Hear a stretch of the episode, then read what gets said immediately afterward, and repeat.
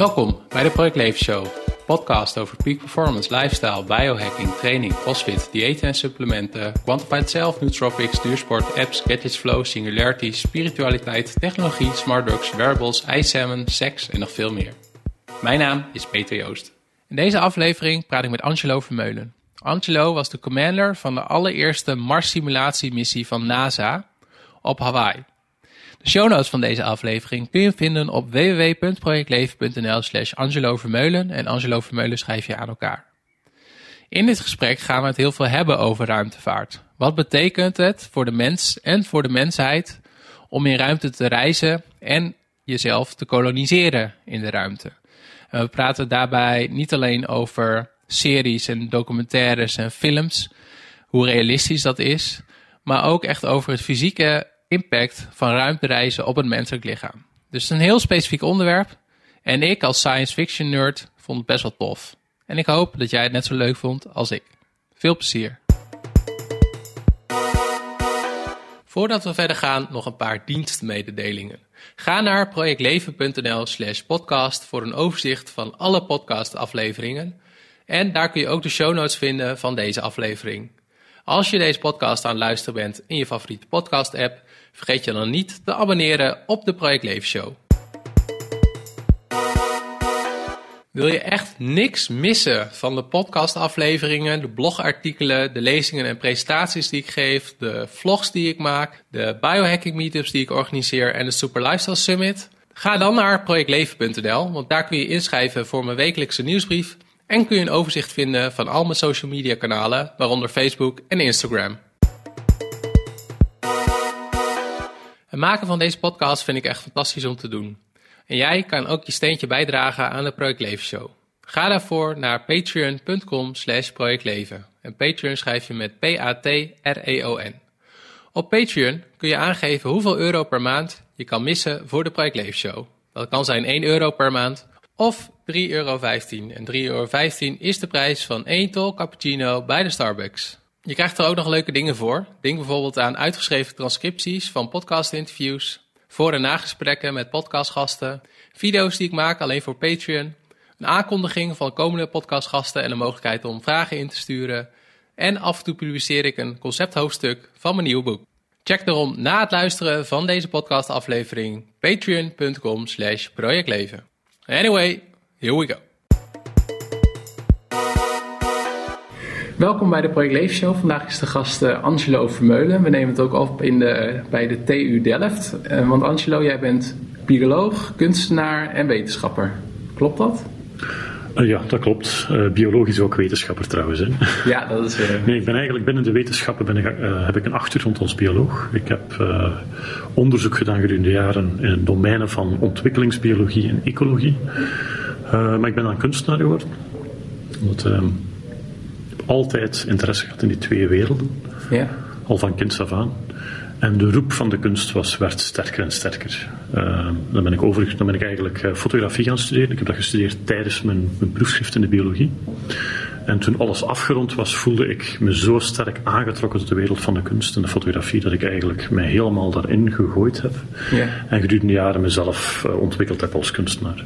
Maar dan is de wetenschap toch teruggekeerd in mijn Ja. leven. Een beetje via een omweg. Ik ben eigenlijk uh, door mijn experimentele kunstwerken, waarin ik wetenschap en kunst ben beginnen vermengen. Uh, die kunstwerken zien er ook vrij futuristisch uit. En daardoor ben ik eigenlijk aangetrokken door de, door de Europese ruimtevaartorganisatie ESA. Om met hen te gaan samenwerken. Oorspronkelijk was het als kunstenaar. Maar vrij snel voelde ik eigenlijk de interesse om ook als onderzoeker uh, bijdrage te leveren tot ruimtevaart. En zo ben ik hier in de TU Delft terechtgekomen om rond ruimtevaart uh, verder te werken. Ja, ja, daar gaan we het zeker over hebben, over uh, ruimtevaart. En meestal stel ik de gasten de vraag: wat is het leukste wat je afgelopen week hebt gedaan? Maar misschien is het wel aardig, want dit is, we hebben de afspraak opnieuw gepland. Want vorige keer kwam er iets tussen. Misschien is het leuk als je daar wat over vertelt. Um, inderdaad, ja, we hadden een, uh, een, afspraak gepland en ik kreeg last minute een vraag van de onderzoeksgroep Melissa van de Europese ruimtevaartorganisatie ESA om hen uh, te vertegenwoordigen in een, uh, tijdens een meeting in Londen in het Science Museum met onder andere de UK Space Agency. Um, op zich een heel interessante vraag, want ik doe natuurlijk niet liever om met ESA samen te werken. Ik werk zowel samen met ESA als met NASA. En het MELISA-onderzoeksprogramma is een heel specifiek interessant onderzoeksprogramma dat eigenlijk voor, tot doel heeft om een regeneratief ecosysteem te ontwikkelen. En dat betekent dat je een soort artificieel ecosysteem ontwikkelt waarbij alle dus alle moleculen die uit het menselijk lichaam komen, dus dan denken we aan CO2, aan toiletafval, zweet zelfs, wordt allemaal opgenomen door uh, bacteriën. Die bacteriën gaan dan langzaamaan afbreken en die vormen eigenlijk voedingsstoffen voor planten. Die planten gaan dan weer zuurstof en voedsel maken voor de astronauten en de cirkelus rond. Prachtig systeem. Ja. Heel mooi beeld van de toekomst ook. Heel sustainable. Volledig gesloten, uh, gesloten manier van denken. En dit zal wel eens een deel van de toekomst van de mens in de ruimte kunnen zijn. Men is dat systeem al heel lang aan het ontwikkelen. Dat is ondertussen meer dan 25 jaar dat men er onderzoek rond doet. Het is vrij complex. Als ik het zo samenvat, klinkt het bijzonder simpel. Ja. Het is uiteraard veel moeilijker om alles onder controle te krijgen. Dat het ook een stabiel systeem is. En het is eigenlijk die onderzoeksgroep die mij oorspronkelijk heeft aangetrokken om met hun te gaan samenwerken. Um, zij vormen ondertussen ook een onderdeel van mijn eigen uh, onderzoek hier aan de TU Delft. Um, en ik ben ondertussen ook een deel van een spin-off company die opgericht is rond die technologie. Dus ik zit helemaal verweven met dit onderzoek. Ja. Um, het was natuurlijk een heel mooie uitnodiging om hen als toch als buitenstaander, want ik werk niet voor ESA, ik werk samen met ESA, om als buitenstaander uh, hen te mogen vertegenwoordigen tijdens toch wel een, een, een belangrijke meeting met de UK Space, Space Agency. Daar was ik uiteraard wel heel uh, enthousiast over. Was ook heel interessant, veel bijgeleerd weer. Ja, en wat is precies het, uh, het, het onderzoek wat je hier doet? Het onderzoek dat ik hier doe uh, gaat verder dan het nadenken over e artificiële ecosystemen voor de toekomstige mensen in de ruimte. Um, dat is op zich al een heel breed thema natuurlijk, maar ik zie het toch nog breder. En waar ik me heel erg op ga focussen ben gedurende de afgelopen jaren, dat heeft ook een tijdje geduurd hoor, ik heb dat echt moeten zoeken, dat onderwerp. Um, ik ben me eigenlijk gaan toeleggen op de problematiek van interstellar travel. Dus uh, het, reizen tussen de sterren. Dat lijkt voor veel mensen totale science fiction en eigenlijk zelfs is men daar soms verwonderd over dat het een wetenschappelijk domein is. Nu, dat is inderdaad dat is een niche binnen de, het ruimtevaartonderzoek, maar het is werkelijk wel een, een, een studiedomein. Uh, ik denk op dit moment het, is het meest bekende interstellaire onderzoeksproject de Breakthrough Starshot. Dat werd vorig jaar in april voorgesteld uh, tijdens een persconferentie met de ondersteuning van uh, Mark Zuckerberg en Stephen Hawking. het is een, een, project waarbij hele kleine ruimtesondes, millimeters groot, dus geminiaturiseerd door middel van een lightsail, dus een, een soort heel dun zeil dat daar rond dat zich ontplooit rond die zeer kleine uh, ruimtesonde. En dat wordt dan voortgestuurd door middel van een laserstraal die van op aarde op de lightsail wordt ge gestraald. En als je dan een grote snelheid kan bereiken, dan kan je eigenlijk de allereerste ster, de dichtstbijzijnde ster, bereiken in een periode, laten we zeggen, tussen de 20 en 50 jaar. De bedoeling is dan dat de sonde tijdens de fly, flyby, terwijl ze langs de ster heen vliegt, foto's maakt en die met de lichtsnelheid terug naar de aarde stuurt. Dus in ruwweg 50 à, tussen de 20 en 60 jaar zouden we dan de eerste foto's kunnen hebben van een, de eerste ster buiten ons eigen zonnestelsel. Maar de technologie is helemaal nog niet klaar. Dus die technologie moet nog ontwikkeld worden. Maar dat is dus een volle ontwikkeling. Uh, die mensen hebben mij trouwens ook gecontacteerd om te kijken hoe we kunnen samenwerken. Dat zou een van de pistes zijn die ik zou willen volgen na het afwerken van mijn onderzoek hier. Ja. Uh, dus dit maar om, om aan te tonen dat interstellaire missies ondertussen een realiteit worden. Ja. En daar focus, me, focus ik me ook op. Maar ik focus me niet zozeer op kleine ruimtesondes, maar ik ben aan het nadenken over echte ruimteschepen. Ja. Ruimteschepen waarin mensen uh, gedurende lange tijd kunnen overleven om missies te maken tussen sterren. Uh, en de manier waarop ik het benader is eigenlijk opnieuw een beetje als buitenstaander. Dus ik, ik, ik stap dan, dan ga je merken tijdens mijn verhaal, vermoed ik, dat ik heel vaak domeinen binnenstap. Maar ik toch altijd een, een, met, met een andere achtergrond binnenstap. Dus ik ben geen ruimtevaartingenieur bijvoorbeeld. Maar ik ben wel bioloog. Ik ben wel beeldend kunstenaar. Ik heb ook design-experimenten gedaan. En het is eigenlijk vanuit die invalshoeken dat ik in de ruimtevaartwereld ben ingestapt. Dus mijn basisconcept, het basisidee dat ik hier aan het ontwikkelen ben, is het ontwikkelen van een theoretische basis voor ruimteschepen die zichzelf ontwikkelen en die evolueren tijdens de ruimtereis. Oké, dus niet je bouwt op aarde een ruimteschip en dan klaar? Je bouwt op aarde een basisruimteschip, maar dan het grootste deel van de ontwikkeling en ook de evolutie van, de, van het ruimteschip gebeurt gedurende de reis. En dat is natuurlijk mijn achtergrond als ontwikkelingsbioloog die ik echt gaan toepassen ben binnen de, binnen de ruimtevaart. En ik ben er eigenlijk een soort van theoretische basis voor aan het uitwerken. Ik doe dit natuurlijk niet alleen. Ik, zit met een, ik werk onder andere met een groep studenten hier samen. We zijn op dit moment een computersimulatie aan het uitwerken waarin we dat zouden kunnen, uh, kunnen gaan testen, dat idee. Het is nog vrij abstract, hè? dat is een, soort van abstract onderzoek. Uh, maar het zit toch verankerd in heel concrete technologieën die er vandaag al aanwezig zijn. Bijvoorbeeld 3D-printing. Dus mensen vragen dan vaak van hoe hoe kan dit nou? Hoe moet ik me dit voorstellen? Wel, 3D-printing is uiteraard een technologie die uh, heel veel invloed al heeft en zal hebben, zowel op aarde, maar ook in de ruimtevaart. Uh, op dit moment is er al een kleine 3D-printer in het uh, ISS, het Internationaal Ruimtestation, maar dat zal nog verder veel meer ingezet worden in de ruimtevaart, omdat je dan ter plekke zaken kan herstellen of kan bijprinten die je nodig hebt, in plaats van ze te moeten verschepen van op, van op de aarde. En dus ik neem dat idee en ik maak dat gewoon groter, ja. waarbij er echt hele onderdelen van het ruimteschip kunnen geprint worden. Ja. Um, het idee is niet alleen dat het ruimteschip zichzelf kan vergroten naar gelang de populaties bijvoorbeeld toenemen. Als je mensen aan boord hebt en ecosystemen aan boord hebt, dan kun je die dingen toestaan om te gaan groeien. Um, het idee is ook die evolutie. En dat is natuurlijk nog een stapje verder. Je zou kunnen zeggen van goed, we, gaan, we vertrekken met een klein ruimtestation. En tijdens de ruimtereis, naar gelang er meer ruimte nodig is, worden er een aantal modules bijgebouwd. Dat is een soort, dat kan u nog voorstellen. Maar mijn idee is, gaat nog verder. Dat is dat um, het ruimtesysteem, het ruimteschip, zichzelf kan herconfigureren naar gelang uh, er zich nieuwe uitdagingen voordoen.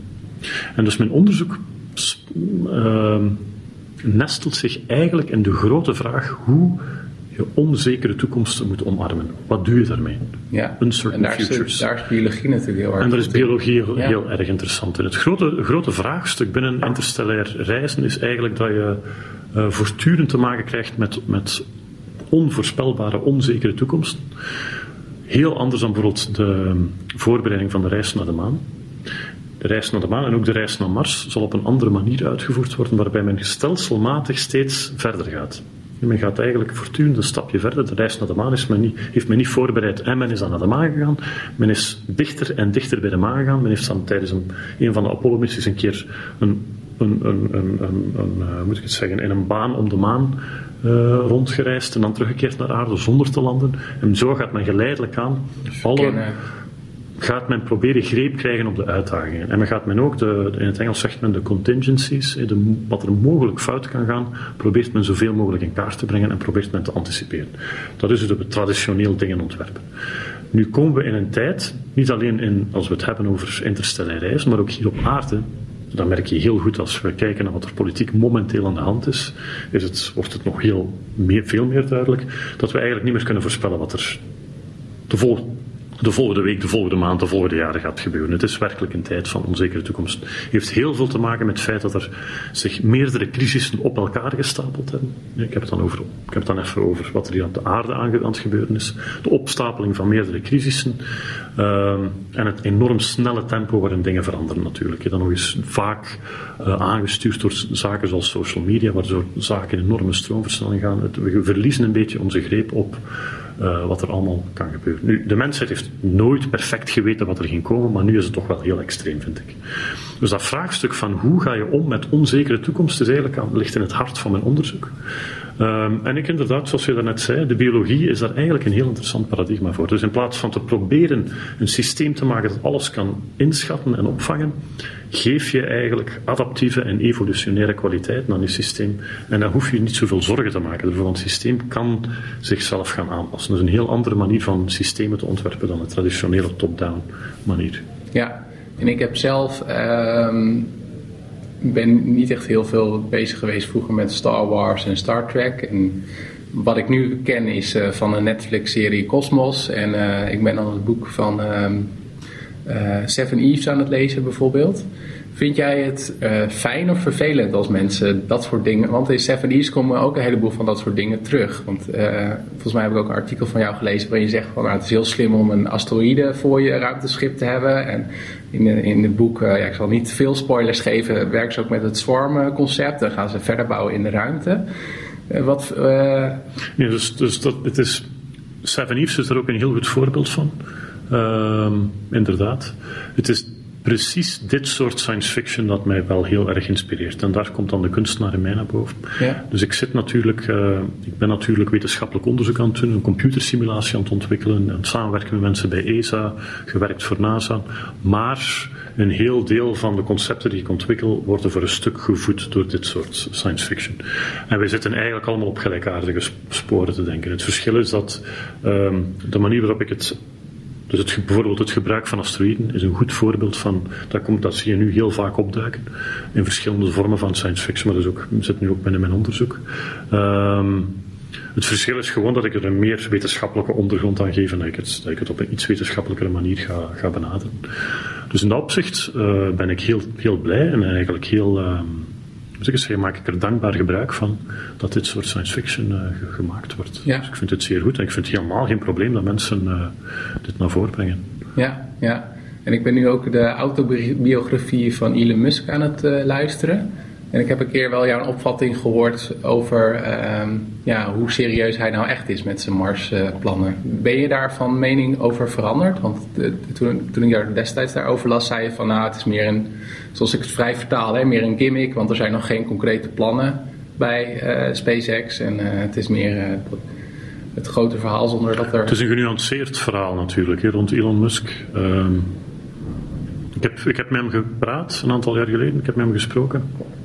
Het is echt een man die houdt van uh, rekenen.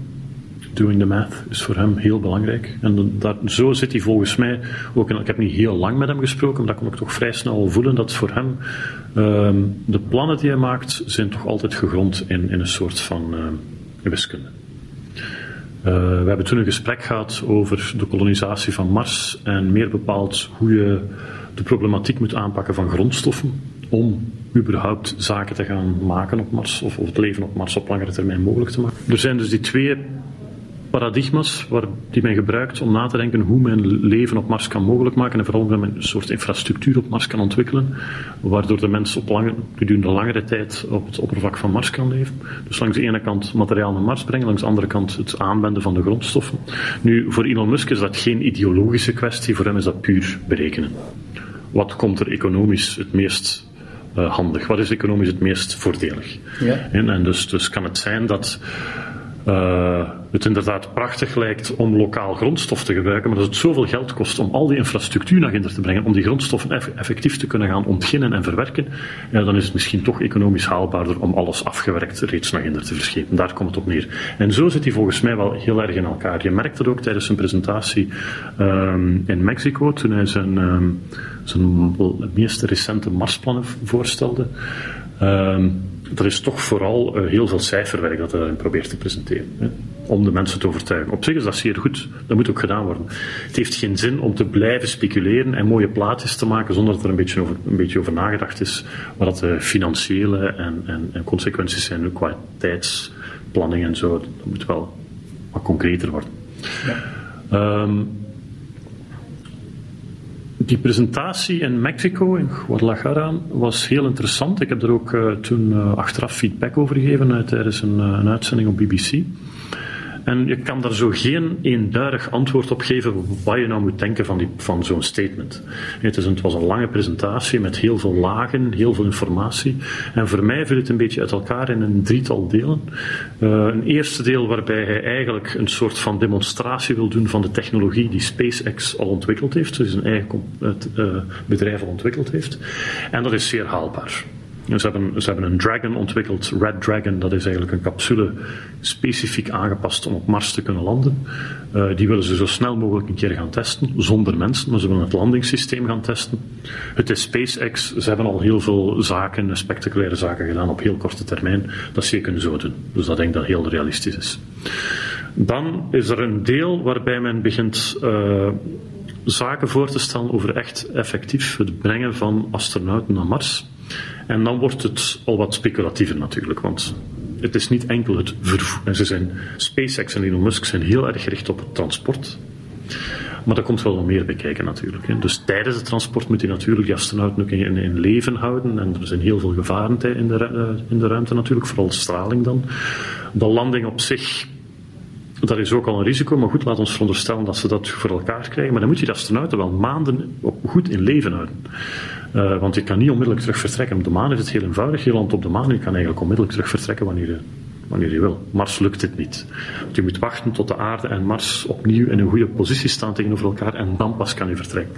Dus je zit dan toch met de uitdaging om die astronauten lang uh, te laten overleven. En de grote uitdaging is om die astronauten weer weg te krijgen van Mars. Want dat is iets wat Elon Musk dan wel wil doen, denk ik, uh, tijdens die eerste missies. Ik veronderstel niet dat men, de, net zoals Mars One, de eerste astronauten al voor de rest van hun leven er wel achterlaten. En dan heb je wel infrastructuur nodig om een raket te lanceren terug uh, van op de oppervlakte van Mars. En dat is moeilijker dan van op de maan, omdat de zwaartekracht gewoon groter is. Dus het wordt allemaal duurder en complexer en het moet allemaal veel meer getest worden. En dan merk je dat, dat hij in zijn verhaal, maar hij gaf dat ook wel toe, dat hij het op een, een tijd, een timeline had geperst die niet echt realistisch is volgens mij. En dan wordt het echt wel. Dan moet, dan moet het fenomeen bij hem. Dan, dan weet ik niet hoe, hoe dat het die, wat ik daarnet heb opgesomd, al die verschillende uitdagingen, dat je dat op zo'n korte tijd, tijdslijn kan samen, dat is, de tijdslijn kan samendrukken, dat lijkt me toch wel wat onwaarschijnlijk. En dan is er een derde deel binnen zijn betoog en dan wordt het echt science fiction. En dan is het totaal niet meer realistisch. Dan is het eigenlijk een soort van wensbeeld dat hij de wereld ingooit. Dat eerder gebruikt wordt als een soort storytelling device, waarbij er gepraat wordt over duizenden ruimteschepen uh, die rond de aarde klaarstaan om mensen in groepen van 100 naar Mars te brengen. Een stad van een miljoen mensen op, op Mars, dat wordt dan ook in dat verhaal, in die presentatie ingebracht. En dan voel je van goed, dit is eigenlijk niet, niet realistisch op dit moment. Dus nou, het is prachtig, het, het komt duidelijk, het is ook heel duidelijk geïnspireerd door, door science fiction. Het is ook een, houdt ook van science fiction uiteraard. Um, en dus kan je moet je, ben je eigenlijk wel verplicht om als je dan praat over zo'n verhaal, om dat een beetje, wat ik dan net gedaan heb, een beetje te dissecteren. Ja. Er zijn onderdelen die heel realistisch zijn en die worden gebruikt om eigenlijk dat grote beeld meer eh, geloofwaardig te geven. Op zich vind ik het een fantastisch initiatief en vind ik het ook geweldig dat we zo'n mensen hebben. Dus helemaal geen, uh, geen probleem mee. Maar je merkt dat sommige mensen het fout inschatten en denken dat we veel sneller, en, dat we veel sneller zullen gaan dan realistisch mogelijk is. En dat we al veel verder staan dan we effectief staan door dat soort verhalen. Maar goed, op zich uh, ben ik er absoluut voorstander van. Geloof jij ook op een schaal van 0 tot 100 procent dat de toekomst van de mensheid of een deel van de mensheid ook buiten aarde ligt? Daar ben ik wel rotsvast van overtuigd, ja. 100 procent? Ja, zeker. Nu, dat dat niet, on, niet onmiddellijk zal gebeuren, daar twijfel ik niet aan. Ik denk niet dat we binnen dit en 100 jaar al echt beschaving zullen hebben en steden zullen hebben buiten de aarde. Maar ik geloof wel in een soort van um, post-planetary design, waarbij je waarbij het leven op het oppervlak van de aarde een van de vele mogelijkheden is van de mensheid. Waarbij je ruimtestations hebt, ruimteschepen hebt, een maankolonies hebt, een, een Marskolonie hebt. Zaken, eigenlijk een, een, een, wereld zoals we die kennen uit de science fiction.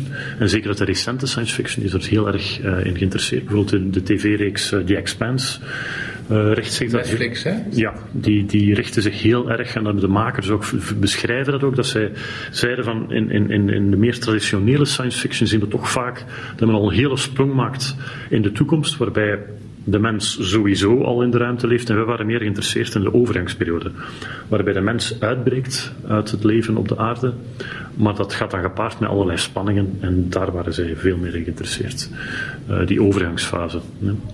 Nu, als je kijkt naar de geschiedenis van de mensheid vanuit een groot plaatje, dan kan het niet anders dan dat we die stap naar de ruimte gaan zetten. Uh, de mens komt oorspronkelijk natuurlijk uit Afrika, heeft dan stilaan de hele wereld bevolkt.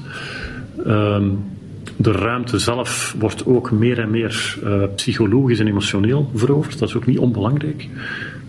Ruimte, bijvoorbeeld het, uh, het, we vliegen eigenlijk nog maar een, iets meer dan een 100 jaar. Dat vergeet je soms. Hè? Dat is eigenlijk echt niks. Hè? 100 jaar, laten we zeggen 110 jaar. Ten opzichte van de hele menselijke evolutie bijvoorbeeld. Ja, ten opzichte van de hele menselijke evolutie is dat, is dat zeer kort. Ja. Maar als je ziet wat er op die 110 jaar ongeveer gebeurd is, is fenomenaal natuurlijk. De infrastructuur die nu aanwezig is.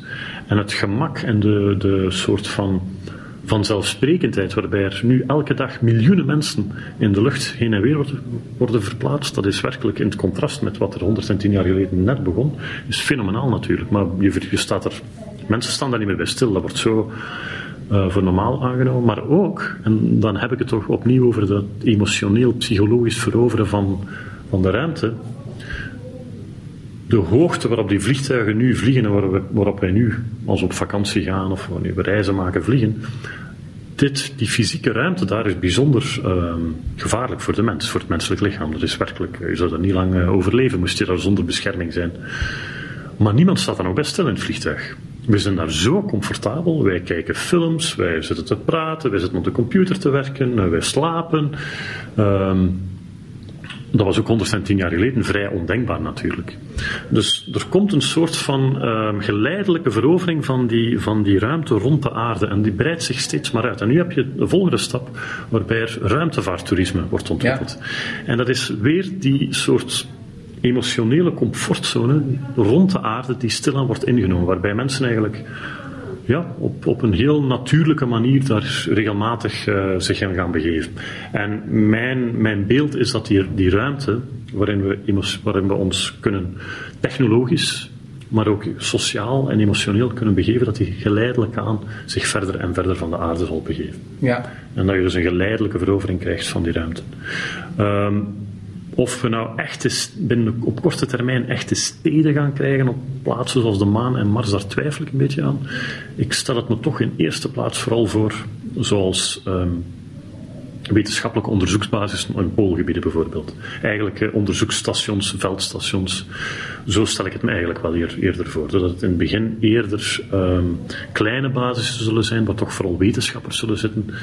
En dan in de veel, veel verdere toekomst dat er dan mogelijkheden zijn dat het zich uitbreidt tot effectieve steden. Dat kan ik me inbeelden, maar dan zal het toch moeten vasthangen met zaken zoals uh, ontginning grondstoffen. Er zal toch een economische motor onder moeten zitten, want anders krijg je nooit echt een, een, een echt uh, stedelijke ontwikkeling, denk ik. Als er geen echt economische uh, reden voor is om dat te ontwikkelen. Als het puur utopisch is, dan denk ik dat het niet lang blijft duren. -hmm.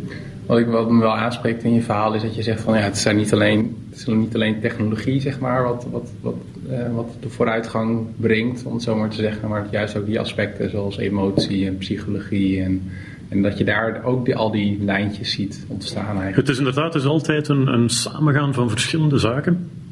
Inderdaad, puur technologisch, het gewoon al overwinnen van zwaartekracht en, en drukverschillen en temperatuurverschillen, ja, daar begint het wel bij natuurlijk. Um, maar er zit natuurlijk inderdaad een luik, het, het, het, psychische, het emotionele, het sociale, wat ik zelf dan, dat ik zelf onder, uh, ervaren heb tijdens mijn isolatiemissie voor NASA, uh, tijdens de High Seas missie een aantal jaren geleden. En dan een derde luik is toch ook de, het culturele. Het gaat toch altijd samen. Een, een cultuur wordt beïnvloed door die ontwikkelingen, uiteraard door die technologische ontwikkelingen, maar de cultuur zelf gaat opnieuw die ontwikkelingen gaan sturen natuurlijk. Het is echt een, een, een, een soort feedback systeem. Ruimtevaartonderzoek is geen objectief gegeven. Ruimtevaartonderzoek wordt, wordt ontwikkeld vanuit een bepaald cultureel perspectief. Uh, en dat vind ik ook heel interessant om, om, om, dat te gaan bekijken. Je merkt bijvoorbeeld als je naar de geschiedenis van de science fiction kijkt, hoe de verbeelding van de mens in de ruimte telkens heel erg geworteld zit in de tijds, uh, tijdsgevricht van dat moment. Een heel bekend voorbeeld, dat is het uh, Luna ruimteschip. Dat is eigenlijk het eerste gepatenteerde ruimteschip. Dat is ontwikkeld in 1901. Dat was eigenlijk een dark ride, een soort van uh, attractie. Tijdens een grote Pan-American tentoonstelling in, uh, in de Verenigde Staten.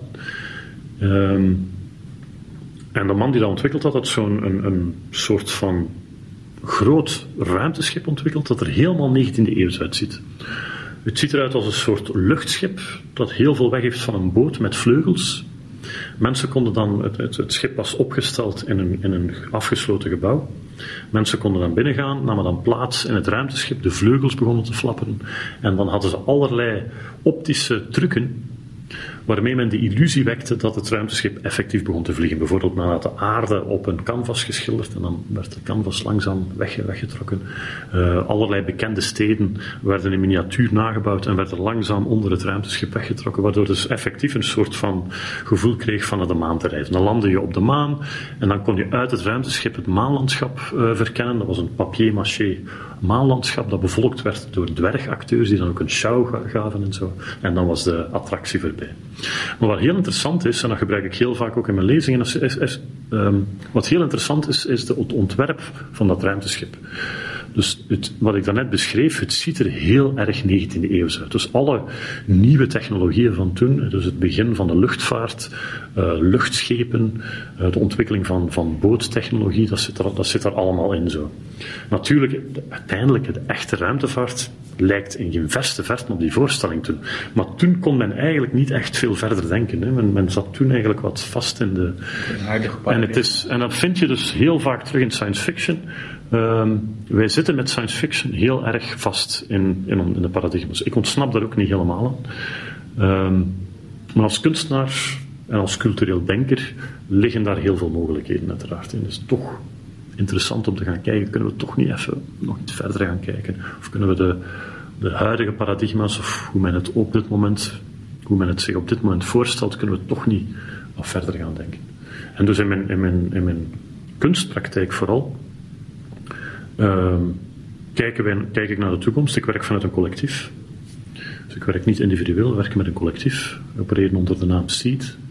En onze doelstelling is echt om als kunstenaarsgroep de toekomst te bevragen, kritisch te bevragen en om met mensen over heel de wereld vanuit een soort cross-culturele dynamiek die toekomstbeelden te gaan verkennen en gestalte te geven.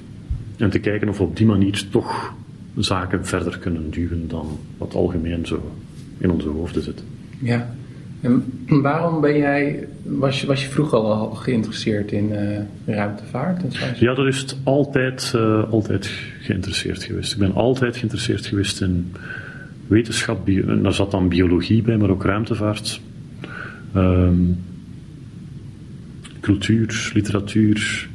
Ja, dus ik doe eigenlijk exact hetzelfde wat ik al sinds, als, sinds mijn kindertijd uh, mee bezig ben. Ja, en hoe hou je jezelf fit en gezond? Uh, want de vraag die ik meestal stel is wat, wat mijn gasten hebben met de term peak performance. Nou ja, met een behoorlijk druk en ook in verschillende domeinen. Ja.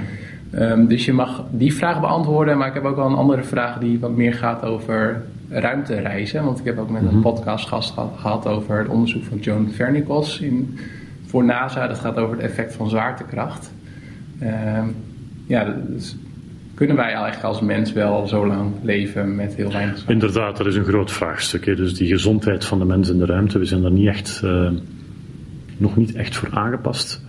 Uh, het gebrek aan zwaartekracht met al zijn gevolgen voor spiermassa, voor beenderverlies. Botten. Ook problemen met de ogen.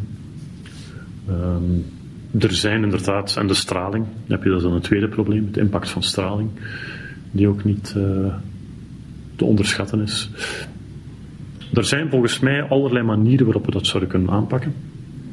Waarop we de mens kunnen, kunnen, kunnen beschermen tegen die, uh, tegen die problemen.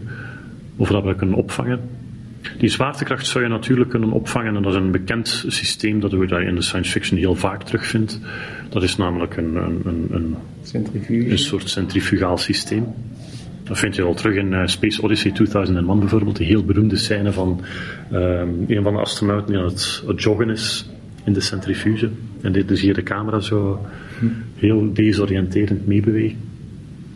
Dus in opzicht lijkt me die zwaartekracht, dat probleem van microgravity, lijkt me eigenlijk relatief eenvoudig op te lossen.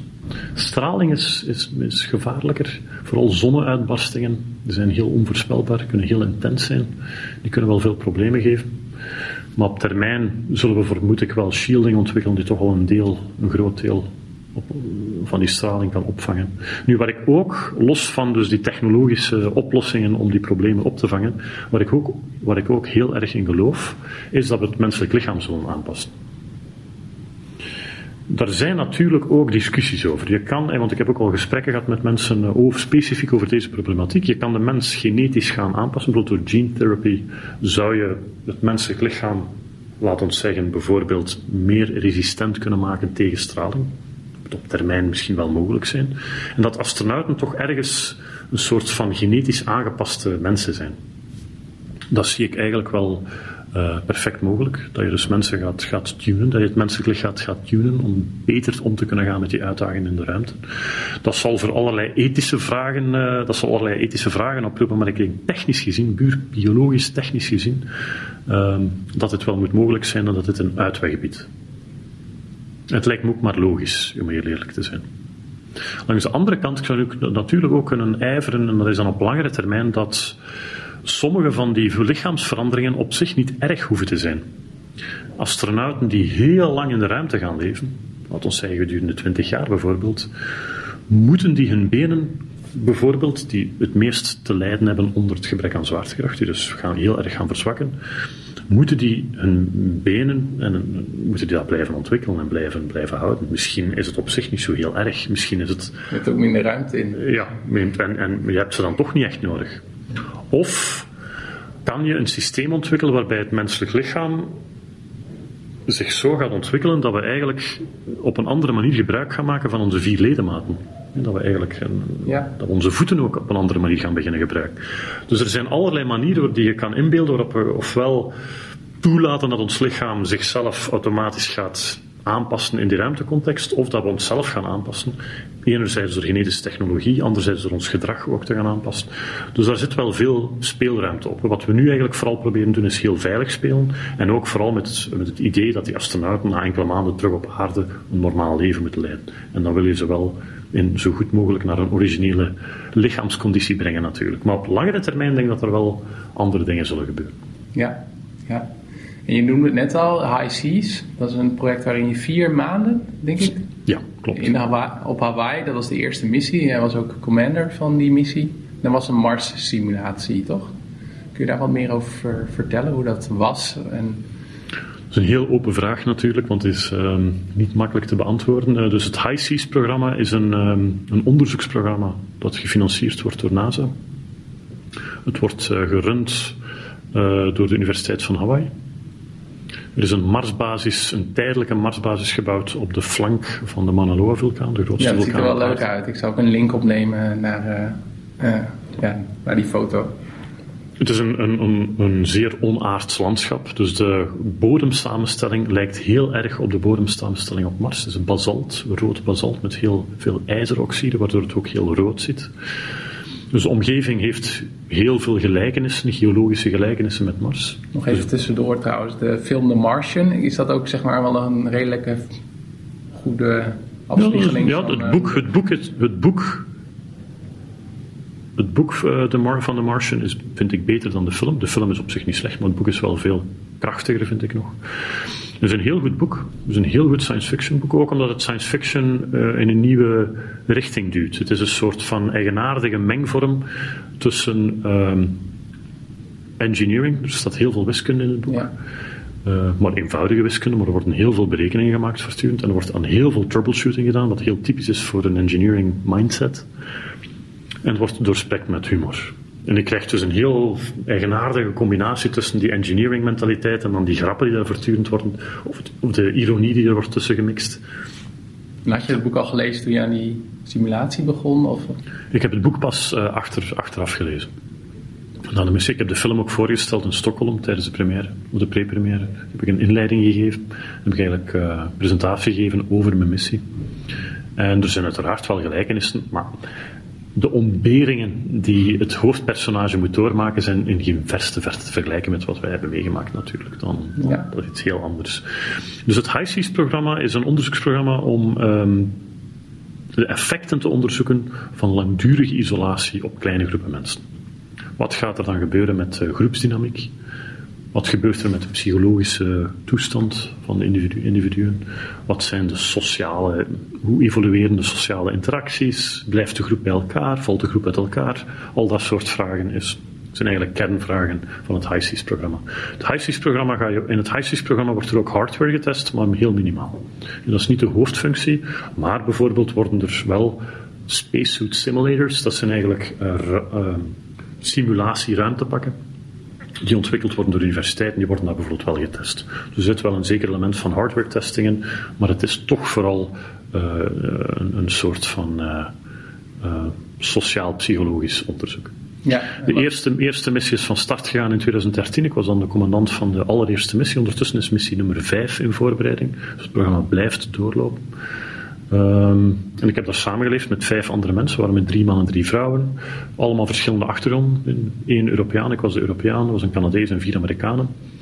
Maar zelfs binnen Amerikanen hadden ze eigenlijk, was er een, een, mooie diversiteit aan mensen. We hadden een Russian American, een Russisch Amerikaan. Uh, we hadden ook iemand van Puerto Rico. We hadden iemand, een African American. En dan hadden we nog een, blanke Amerikaan. Dus het was werkelijk wel een, een totaalplaatje van het, van het Amerika eigenlijk. Van het hedendaagse Amerika, of, of toch bijna. Um, en die diversiteit vond ik bijzonder interessant. Dat is eigenlijk iets wat sowieso terugkeert in al mijn werk. Dat is een nadruk op diversiteit. Dat gebruik ik ook heel erg in mijn kunstprojecten bijvoorbeeld. Maar ik merkte wel dat dit een diversiteit van skills, een diversiteit van persoonlijkheden, een diversiteit van culturele achtergrond maakt het spannend, maakt het interessant ook. Maakt dat je na maanden toch nog steeds iets aan elkaar kan bieden. Ik kan me niet inbeelden dat je met een bepaald type ingenieur, dat je zo zes gelijkaardige types van ingenieurs, dat, daar, dat je dat volhoudt. Volgens mij lukt dat niet. Nu, er bestaat heel veel discussie over. Ik ben heel erg voorstander van diversiteit. Er zijn mensen die zeggen van nee, we moeten zorgen voor homogeniteit. Mensen die heel erg gelijk zijn, die gaan op lange termijn goed met elkaar kunnen uh, opschieten. Ik geloof dat niet. Dus ik ben eigenlijk uh, de andere mening toegedaan. Bovendien, het is niet alleen omdat het spannend blijft en interessant blijft, je collective intelligence verhoogt enorm. Dus als je al die verschillende visies bij elkaar hebt, en dat ook, waaronder ook die culturele perspectieven, dan ga je in moeilijke momenten, wanneer er moeilijke problemen moeten aangepakt worden, dan heb je als, met die collective intelligence een grotere capaciteit om die problemen ook daadwerkelijk tegemoet te treden. Dus ik, ik geloof ook in de als ik kijk naar de toekomst van de ruimtevaart, dat we dat absoluut moeten omarmen, dat is het concept van diversiteit. Nu, je moet wel mensen samenhouden. Je moet wel die, die groep samenhouden. En dat vond ik als commandant mijn, heel belangrijk. Dat is eigenlijk een beetje mijn leidinggevend principe. Nu, elke commandant heeft andere principes. Er bestaat geen universeel aanvaarde opvatting van hoe een commandant in de ruimtevaart die groep moet leiden. Uiteraard moet elke commandant wel zorgen dat de groep min of meer samenhoudt, maar voor de ene is het toch belangrijker om vooral te focussen op de opdrachten en de taken. En het, het sociaal-psychologische komt daarna dan wel. Bij mij is het omgekeerd. Dus mijn principe is eigenlijk eerder dat ik heel erg wil werken met de groep. Dat ik vind dat de groep emotioneel en qua, qua, qua moet ik het zeggen, als, als uh, dat het sociaal-psychologische van de groep heel goed moet functioneren, waardoor je eigenlijk heel goede productiviteit krijgt. Dat is een beetje mijn principe. En waardoor het leven ook, ons well-being, uh, ook geoptimaliseerd is. Wat je, merkt als je kijkt naar literatuur over leiderschap, want daar ben ik me dan eigenlijk wel op gaan toeleggen, is er zo twee vormen zijn van, van leiderschap, ook binnen de ruimtevaart komt dat naar voren. Je hebt dan, wat ik net al zei, uh, commandanten die iets meer operational oriented zijn, en je hebt dan uh, een leiderschap dat iets meer um, supportive uh, oriented is. Dan gaat het iets meer over die, die, die emotionele support. En een ideaal leiderschap lijkt een leiderschap waarbij de leider kan switchen tussen de twee, naar gelang de noden van de groep. Een leider die dat fout doet, die fout gaat schakelen, die op momenten dat de groep echt vraagt van nu moeten we operationeel ondersteund worden, want het loopt in het honderd, en die dan puur emotionele ondersteuning gaat bieden, ja, dat werkt natuurlijk niet. En omgekeerd ook, als de groep echt nood heeft om even het niet te hebben over alle taken en alle opdrachten die moeten gedaan worden, die op een andere manier even een gesprek wil nagaan en een leider dan continu blijft hameren op de rapporten die moeten geschreven worden en de data die moeten verzameld worden, dan wordt, loopt het ook helemaal fout. Dus een, een, een goed leiderschap probeert eigenlijk te schakelen tussen die twee. En dat heb ik zo goed mogelijk proberen doen, maar toch met een grote nadruk op die groepscohesie. Nu, op zich hebben wij, wat ik net al zei, een diversiteit van mensen in die groep. Dus verschillende van mijn crewmembers die zeiden van, moeten wij nou echt elke ochtend een ochtendmeeting hebben? En is het echt nodig dat je het s'avonds even langskomt? Want dat deed ik ook. S'avonds ging ik bij iedereen even langs om even te vragen hoe de dag was geweest. En dan verwerkte ik die informatie in mijn dagelijks uh, commandantrapport, commander report dat ik moest maken. En dat werd ook wel in vraag gesteld natuurlijk. Sommige mensen zeiden van, ik zou dat niet erg vinden om helemaal op mijn, op mijn eentje in mijn kamer rustig te kunnen onderzoek doen. Uh, dan heb ik op een bepaalde ochtend aan mijn groep gevraagd, wie wil hier eigenlijk, wie zou hier eigenlijk leiding nemen? En vier van de vijf staken toen een hand op. En dan dacht ik, oh, dat is interessant. Ja. Dan heb ik een klein commandant, uh, in het Engels noem ik het een commander experiment, uitgevoerd, waarbij ik gedurende vier opeenvolgende weken het, uh, mijn rol aan mijn crew heb overgedragen. Met de afspraak dat ik alle veranderingen die zij doorvoerden zal, zou aanvaarden. En enkele noodgevallen zou ik terug mijn rol als gezagvoerder over, uh, terug opnemen. En dat was een bijzonder interessante ervaring. Heel veel over bijgeleerd. En dus is eigenlijk een van de dingen die mij het meest is bijgebleven van heel die missie is. Ik heb uiteraard heel veel bijgeleerd over ruimtevaart. Maar ik heb toch vooral heel veel geleerd over, over die, die positie als leiderschap. Daar heb ik zeer, en groepsdynamiek, daar heb ik eigenlijk het meest over geleerd. Dus wat er tijdens het experiment is gebeurd, is het volgende. Langs de ene kant kreeg ik feedback van sommige van mijn crewmembers die zeiden van, nu pas begrijp ik waar je elke dag doorheen gaat. Dat is een totaal ander perspectief. Ik was gewoon met mijn onderzoek bezig. Maar als je dan die rol krijgt van commandant, dan besef je pas wat er allemaal op alle niveaus tegelijkertijd gaande is. En dan moet je er ook wel min of meer bewezen. Dus dat gaf voor hen meer inzicht waar ik zelf mee bezig was. Langs de andere kant, en dat was best moeilijk, um, alle veranderingen die zij doorvoerden, was impliciet een soort kritiek. Ja. En dat was niet altijd makkelijk, dat moet ik toegeven. Daar had ik het soms wel moeilijk mee. Um, omdat, en vooral omdat we na elke periode dat iemand anders de rol van mijn rol had overgenomen, deden we een korte open evaluatie. Heel open gesprek. En dan werd er soms heel expliciet gezegd van dit werkt wel veel beter. En het was soms wel moeilijk voor mij om toch te aanvaarden van goed, ik ben hier twee maanden aan het zoeken en dit werkt dan blijkbaar toch wel beter. Een voorbeeld van? God, uh, er is één voorbeeld geweest waarbij uh, een van de crewmembers veel meer die vrijheid had gegeven om zelf individueel je tijd te gaan indelen, minder samen. En dan zeiden er sommige crewmembers na, na die testperiode van, oh, dit was eigenlijk wel heel leuk. Ik vond dit wel goed hoor. En ik was wel heel productief. En dan voelde ik me wel, ja, daar was ik wel, eigenlijk wel wat triestig over. Ik was er wel ongelukkig over. En wat deed, dacht, wat? Om, omdat ik dacht van, ik ben hier zo maand, twee maanden aan het sleutelen om die groep samen te houden. En dan blijkt dat als iedereen op zichzelf leeft, dat ze het allemaal beter vindt. Zo, dat was mijn eerste reactie, mijn eerste gedachte. Dus ik was, heel, ik was eigenlijk wel ontgoocheld. Um, en dan is mijn crew, die zijn dan wel naar mij gekeerd, naar mij toegekomen en hebben gezegd van kijk, je moet het goed plaatsen. Uiteraard, als we al twee maanden intensief samenleven, en er komt dan een keer een week waarbij je zo even helemaal op jezelf kan zijn. Uiteraard is dat prettig. Maar als we nu de rest van de missie allemaal op onszelf gaan leven, dan lukt het niet meer. Daar mag je zeker van zijn. Dus dan plaatste, kon ik het weer. Maar mijn eerste reactie was heel emotioneel. Ik was daar heel erg door aangedaan. Dat is een, goed, een voorbeeld daarvan. Een ander voorbeeld is dat we, ik had een bepaalde manier om het uh, rapport op te stellen. En dan begon ik te merken dat mensen begonnen te experimenteren met hoe we, want er hadden we grote vrijheid in, hoe we rapporteerden naar mission eh, support. En ik merkte manieren van aanpakken dat ik dacht van dat, is eigenlijk, dat werkt eigenlijk beter, die aanpakken. En dat ben ik dan zelf ook gaan doen. Dus na heel dat experiment ben ik eigenlijk mijn eigen stijl gaan aanpassen ook, naar gelang wat ik gezien dat dat eigenlijk beter werkte. En dus dat is een heel uh, boeiende, een boeiend experiment geweest. Ja, en uh, inhoudelijk hebben jullie ook uh, voeding onderzocht? Ja, dus de hoofd, het hoofdonderzoek dat we gedaan hebben tijdens de allereerste HICIS-missie was een voedingsstudie een heel gedetailleerde en uitgebreide voedingsstudie. Om te kijken welk soort voedingspatroon er zich spontaan ontwikkelt als je astronauten toelaat om zelf te gaan koken.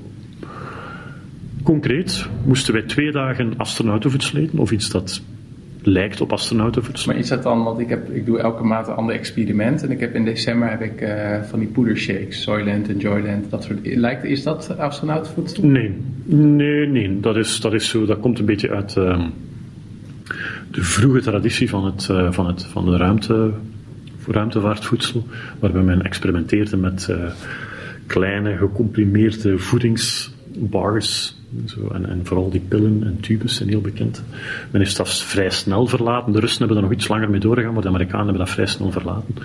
Omdat het eten is zo fundamenteel voor het welzijn van de mens dat je daar heel weinig uh, aan kan sleutelen. Je kan wel een astronaut een aantal keer een tube geven, bijvoorbeeld, dat kan ik me zo wel voorstellen, maar je moet dat toch wel vooral normaal voedsel. Dus niet alleen het voedsel zelf, maar ook het sociale ritueel van samen te kunnen eten wordt bijzonder uh, hoog ingeschat door astronauten. Dus je kan, dat, je kan dat niet zo helemaal gaan functionaliseren. Zo. Dus je zit daar met een enorme limiet. Um, in ieder geval, ons onderzoek komt vanuit de problematiek van menu fatigue. Dat is een, een fenomeen waarbij mensen, als ze dezelfde soort voedsel moeten eten, gedurende lange tijd, vooral die ready meals, dat zijn maaltijden waarbij je water toevoegt en die minder dan een minuut klaar zijn, dat is eigenlijk astronautenvoedsel. Men geraakt dat, uiteraard, men geraakt dat beu. Men geraakt erop uitgekeken. Ja, en men gaat... het beeld wat ik, uh, wat ik had na die maand. Ja, dat kan ik me heel goed beelden. Dus het is te veel hetzelfde en het is, te weinig het is vooral te weinig variatie. Um, en je gaat een reflex opbouwen waarbij je eigenlijk minder honger hebt en minder trek hebt. Terwijl je lichaam objectief gezien eigenlijk wel meer voedsel nodig heeft. En je wil natuurlijk geen problematisch ondervoede astronauten op Mars.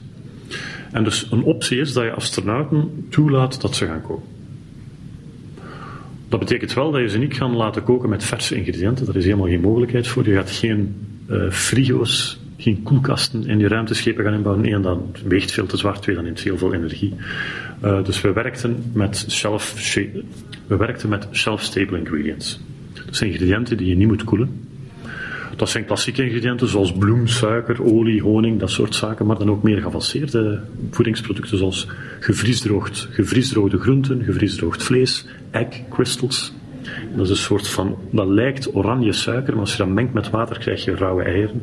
Al dat soort zaken. En dus onze opdracht was gewoon, we hadden een heel grote vrijheid om zelf aan de slag te gaan met de ingrediënten maar op een heel autonome manier, precies omdat de onderzoekers geïnteresseerd waren welk soort voedingspatroon er zich zou gaan ontwikkelen. Nu, om dat dan te kunnen vergelijken met het meer traditionele astronautenvoedsel, waren we wel verplicht om telkens twee dagen astronautenvoedsel af te wisselen met twee dagen zelfkoken. En je moet je inbeelden, onze dagen, ons, dagelijks, ons, ons dagelijks ritueel tijdens het eten bestond eruit dat van zodra wij een portie eten op een bord schepten, moesten we dat gaan wegen, filmen, evalueren in een invulformulier voor we het op hadden gegeten. En als het dan opgegeten was, moesten we het opnieuw evalueren. Hmm. Voor elke portie die je op je bord legde. Of elke snack die je verorberde. En dan kan ik je natuurlijk wel zeggen dat eens dat je dan uit de missie stapt, in die allereerste maaltijd kan eten zonder paperwork, is dat wel heel fijn natuurlijk. En wat was dat, een hamburger? Of? Nee, absoluut niet. God, daar heb je geen zin in dan hoor. Nee, nee, je hebt heel erg zin. Ik herinner me nog dat men zo... Dus de, de onderzoekers hadden eigenlijk een hele grote tafel klaargezet, onder het oog van de pers, met een groot uitgebreid ontbijt met heel veel variatie. En waar we ons eigenlijk op hebben, op hebben gestort is op het verse fruit. Ah, Je kan je al inbeelden, in Hawaii is dat fruit uiteraard nog eens extra, extra goed. En je zag eigenlijk op iedereen zijn bord het grootste, wat er waren bijvoorbeeld ook donuts, maar niemand had trek in donuts, want eigenlijk echt vooral zijn een heel vers, een heel vers, vers fruit en verse zaken. Ja, ja. Heel interessant. Uh, gelet op de tijd, uh, ik heb een aantal vragen die ik eigenlijk aan elke gast uh, stel. Want je hebt straks ook nog een interview met de standaard, vertelde je. En natuurlijk je kunstprojecten, je onderzoeksprojecten. Dus ik wil richting de laatste paar vragen gaan. Ehm, welke vraag krijg je eigenlijk het meest? En wat is daarop je antwoord? Dat is de vraag die je me net gesteld hebt, die krijg ik het meest. Dat is, als, ik, als mensen te weten komen, te horen krijgen dat ik een, in een Marsmissie voor NASA heb gezeten, dan krijg ik zo stevast de vraag How was it? En dat is zo een lastige, onmogelijke vraag dat ik denk van ja, wat, je moet echt specifieker zijn, want dat is onmogelijk te beantwoorden. How was it? Ja, goed. Um, dat is een levenservaring natuurlijk. Goed. En dan, dan dat is dan wel een aanleiding voor een gesprek hoor, maar dat krijg ik echt keer op keer. Ja, ja wel gaaf even voor mij om daarop te reflecteren van wat dit, dat je antwoord ook veel meer gaat ook over de, uh, ja, de groepsdynamiek en leiderschap. En uh, nou, dat vind ik heel interessant. Ja. Hoe uh, zien de eerste 60 minuten eruit als je wakker wordt? Heb jij een vast ochtendritueel? Ja, ik heb een vast ochtendritueel zoals iedereen denkt, maar dat is vrij standaard. Hè. Dat is, uh, begint met, uiteraard met een douche te pakken, dan doe ik wel wat fysieke oefeningen. En dan een ontbijt waarbij ik onmiddellijk het nieuws check en ook de berichten check die ik binnengekregen heb. Ja. En dan moet ik opletten dat ik me niet verlies daarin. Want eens ik nieuwswebsites begin te lezen, dan kan, het, kan ik me soms wel echt verliezen daarin. Ik ben nogal een nieuwsjunkie. Uh, en dan kom ik naar kantoor hier. Ja. Maar dat hangt af natuurlijk, want binnen een jaar zal ik weer ergens anders zitten en dan zal het niet het kantoor zijn, dan zal het iets anders zijn natuurlijk. Ja, en uh, denk je wel eens na van hey, hoe ziet zo'n ochtendritueel eruit zien op het moment dat ik in een ruimteschip zit naar Mars? Al dan niet onder wat je, wat alcohol, dat je zo'n... Uh, zonder alcohol is op zich niet zo'n probleem. Dat heb ik echt, dat mis ik ook niet. Dat miste ik minder dan ik had gedacht. Hoor. Uh, ochtendritueel op een reis, tijdens een reis naar Mars. Wel, het is zo dat als je zo leeft, wat wij gedaan hebben in zo'n simulatie, wat het dichtste is dat ik, wat ik over kan vertellen, het dichtste bij een, ruimte, bij een rechte ruimtereis. Je verlangt heel erg één naar structuur. Je wil niet elke dag totale chaos en totale improvisatie. Dat is veel te vermoeiend. Dus je maakt afspraken met de mensen. Oké, hoe gaan we een, een bepaald ritme uh, inrichten? Dat maakt gewoon dat je, denk ik, emotioneel en cognitief minder energie moet steken in te anticiperen wat er allemaal gaat gebeuren. Het is afgesproken, het is duidelijk. Uh, en je ontbijt wil je, je, je ochtendritueel wil je eigenlijk ook een vrij normaal ochtendritueel. Dat is bij ons bestond het eruit dat er uh, telkens twee andere mensen, elke dag waren er telkens twee andere mensen verantwoordelijk voor het voedsel voor de maaltijd. Dus die twee mensen stonden dan dikwijls een beetje vroeger op, die bereiden een ontbijt voor, de rest van de crew kwam naar beneden, ontbijten. Daarna hadden we dan een morning briefing, waarbij ik aan iedereen vroeg wat een plan was voor de dag. Uh, en dat ik verwachtte van iedereen dat ze ook effectief deelnamen aan, aan het gesprek. Zagen dat we eigenlijk gedurende de hele missie heel goed op de hoogte waren wat we aan doen waren. Uh, en dan begon, ging de dag van start. En ik vermoed tijdens zo'n ruimtemissie zal dat niet veel verschillen. Men, je gaat daar niet compleet eigenaardige um, dagindelingen gaan maken. Integendeel, je probeert inderdaad een soort heel uh, regulier ritme op te bouwen. En ook in het voedsel, wat je merkt is dat mensen heel erg terugvallen op uh, comfortfood. Dan ga je echt naar verlangen. Dus je verlangen naar, naar aardappelpuree bijvoorbeeld. Dat was een van de favoriete maaltijden. We hadden zo vlokken. Daar konden we dan aardappelpuree mee maken. Dat was een van de favoriete voedingselementen. Uh, uh, brood bijvoorbeeld. We hadden een broodmachine waar we brood mee konden maken. Dat was ook heel populair. Dus, al die, dus je verlangt niet naar enorm experimentele voeding of enorm experimentele dagindelingen. Integendeel, je wil dat eigenlijk vrij... Ehm, traditioneel houden, vrij gekend houden, omdat de situatie is op zich al zo stresserend en vermoeiend dat je dat op die manier probeert op te op, ja, opvangt. En heb jij uh, gewoonten waar andere mensen van opkijken, die ze raar of vreemd vinden? Ja, ik denk dat er één, één, één zaak is die heel vaak terugkomt, is dat ik ben heel erg georganiseerd. Um, en dus iedereen die mij aan de slag zit of die mijn werkruimtes binnenkomt, is er altijd heel erg van, uh, on, van onder de indruk of schrikt daar soms zelfs van. van uh, en dat heeft vooral te maken met het feit dat ze weten dat ik kunstenaar ben en men verwacht dat niet van een kunstenaar. Ja. Men heeft zo dat heel beetje naïeve, klassieke idee dat een kunstenaar totale chaos is en vanuit de chaos creëert. En als ik aan het werk ben natuurlijk, als ik het aan het bouwen ben natuurlijk, dan ligt er een creatieve chaos. Maar doorgaans ben ik wel vrij georganiseerd. Ik heb het ook wel nodig, omdat ik in zoveel verschillende domeinen actief ben, dat ik anders echt totaal zou verdrinken in, in, de, in de hoeveelheid informatie en alle zaken waar ik mee bezig ben. Ja, jij bent ook een van de eerste podcastgasten die ik interview, die ook heel netjes uh, al aantekeningen heeft gemaakt bij de interviewvragen. Dat is wel uh, leuk. Uh, toen je klein was, wilde je toen ook astronaut worden of was het iets anders dat je weet? Astronaut was nooit een doel. Nu zou ik absoluut graag de ruimte ingaan, maar dat is pas een, idee dat later gekomen is, omdat ik enerzijds als, als, um, als Belg, niet, ik, we hebben wel twee Belgische astronauten gehad, maar goed, de kans is zo klein dat je als Belg kan gaan vliegen, dus dat zat sowieso niet echt in achterhoofd. Bovendien toen ik jong was, waren astronauten toch nog heel erg militair. Uh, met een, hadden toch vaak een militaire achtergrond. Ik zag me helemaal geen toekomst uh, gaan ontwikkelen binnen, uh, geen carrière uitbouwen binnen, als, als, binnen het militaire. En ik was sowieso heel erg geïnteresseerd door biologie ook. Ik had een interesse in ruimtevaart, vooral een fascinatie daarvoor, maar actief was ik vooral met biologie aan de slag. Ehm, en ik deed aan amateurastronomie. Dat deed ik wel. Toch En dat is nog iets anders dan. En ik probeerde ook, ik heb ook een tijd geprobeerd om een kleine raket te bouwen, dat weet ik nog met een vriend. We zijn nooit ver geraakt, maar het zat, het zat, de fascinatie zat er wel in zo.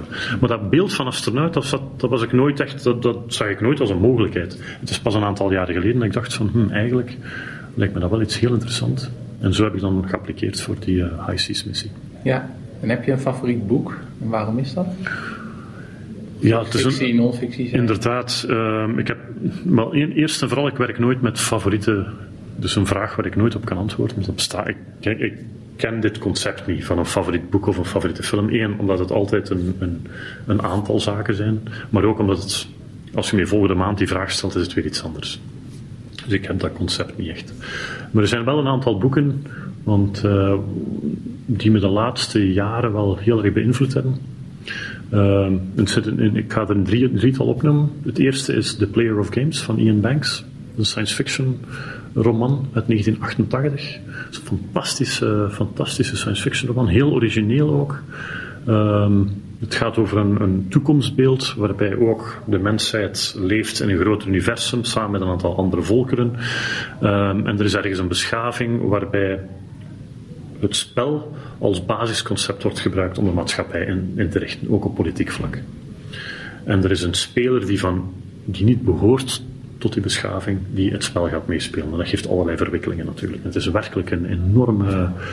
Toen ik aan het boek begon, dacht ik van, ik ben niet zo'n fan van boardgames en zo. Ik, ik hou wel van computergames, maar zo boardgames en, en al dat soort zaken, daar ben ik niet zo voor. Terwijl het boek daar wel heel erg door geïnspireerd is. Maar ik werd zo meegesleept omdat het concept van het spel op zo'n interessant maatschappelijk uh, niveau wordt getild. En dat het zo politieke consequenties krijgt dat je echt, uh, ja, kan er niet aan ontsnappen. Dus heel knap. Uh, van wat non-fictie betreft ben ik nu een boek aan het lezen, dat noemt The Wisdom of Crowds. En dat is een boek, uh, dat is ondertussen al een, een, paar jaar uitgeschreven door James Surowiecki, 2004. Dat is een heel interessant boek over de kracht van groepen mensen. En de kracht van het vermengen van de expert met de totale non-expert.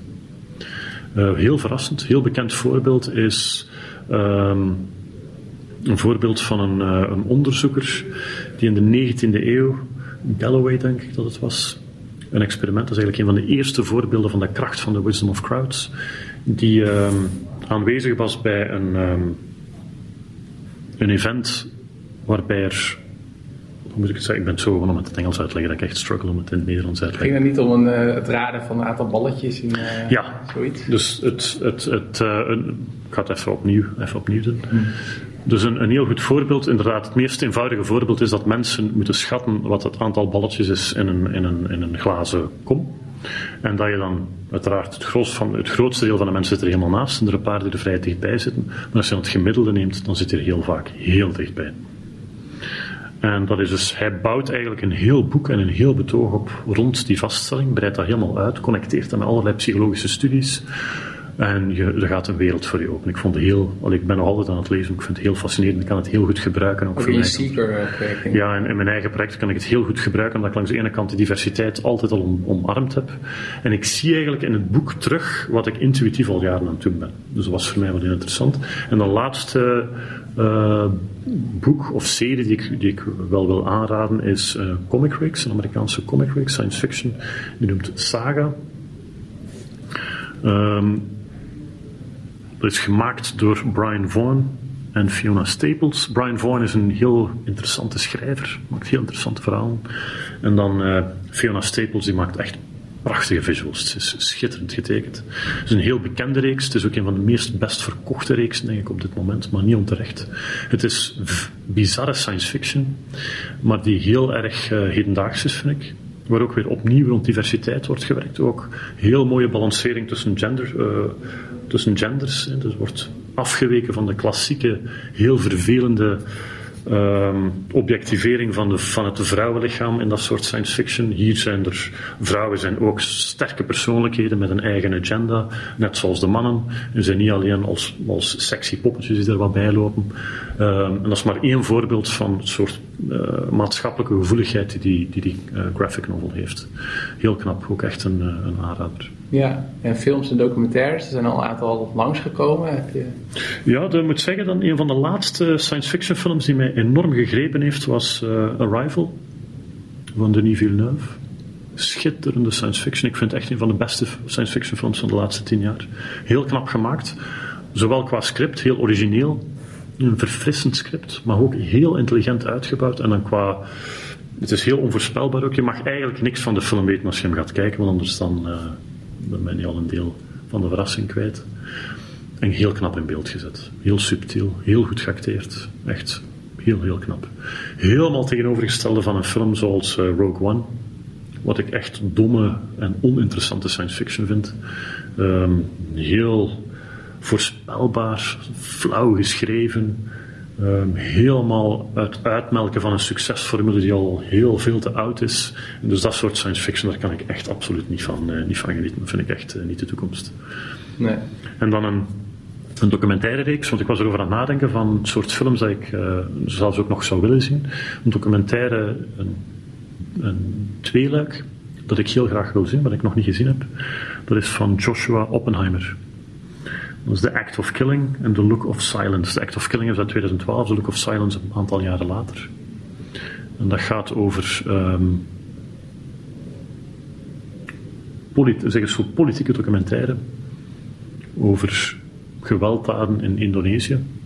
En in de eerste film wordt er eigenlijk ingegaan, ingezoomd op de, de de moordenaar zelf. Er wordt eigenlijk een film gemaakt met de moordenaar zelf. Wat een ongewoon standpunt is voor een documentaire te maken, natuurlijk, omdat documentaires bijna altijd slachtoffer-oriented zijn. En het schijnt werkelijk bijzonder, uh, bijzonder uh, krachtig te zijn. Dus de ik, die, wil ik echt, uh, die wil ik echt ook nog. Die staan op mijn verlanglijstje om een keer grondig te bekijken. En favoriete websites, blogs en podcasts?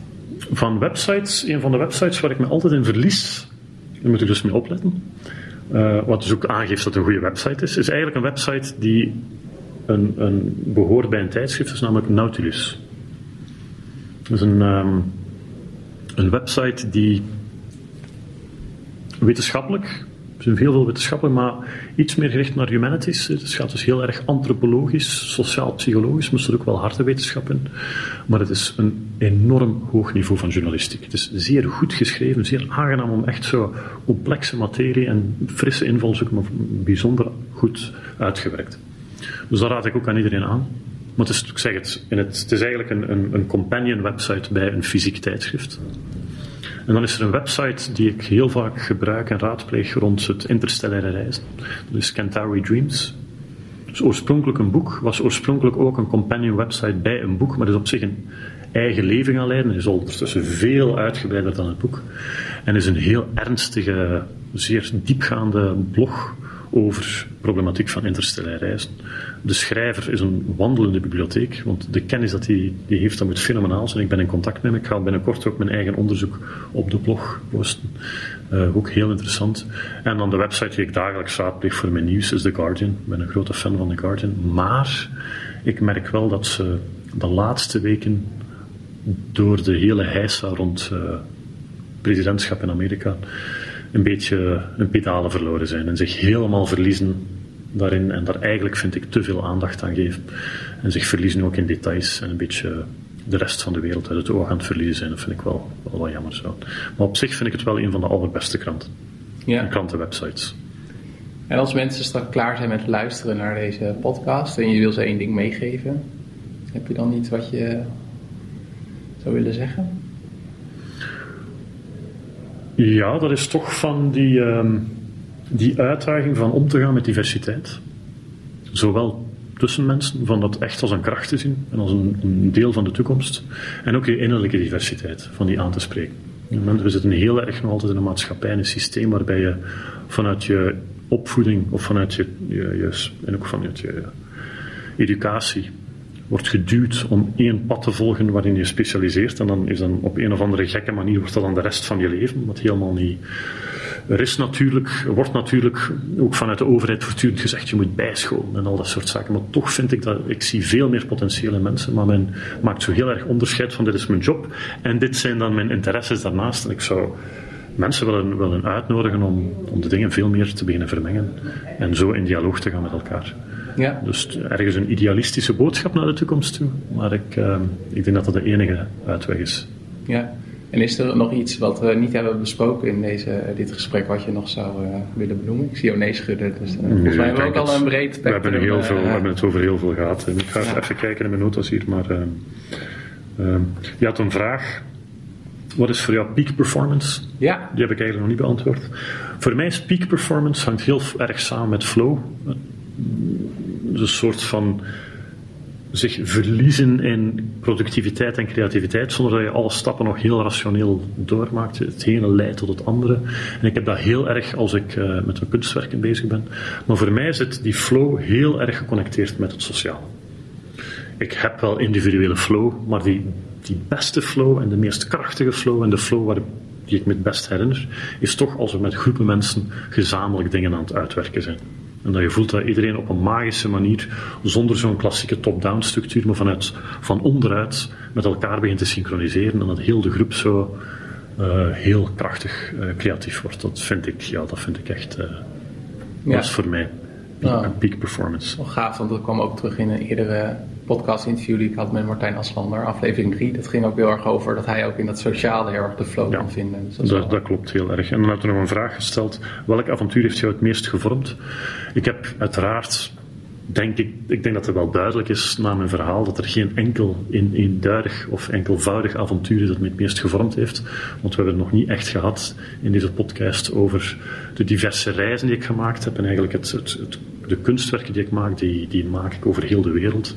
In Indonesië, Filipijnen, Latijns-Amerika, in Europa, Verenigde Staten, dus in heel veel verschillende plekken.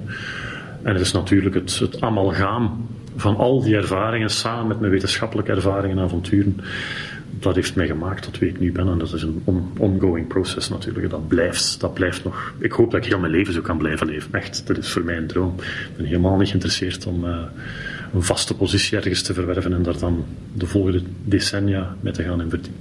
Nee, precies. En wat vond je van het uh, interview? Wel goed, ja, ik ben altijd zeer kritisch over mezelf, op mezelf.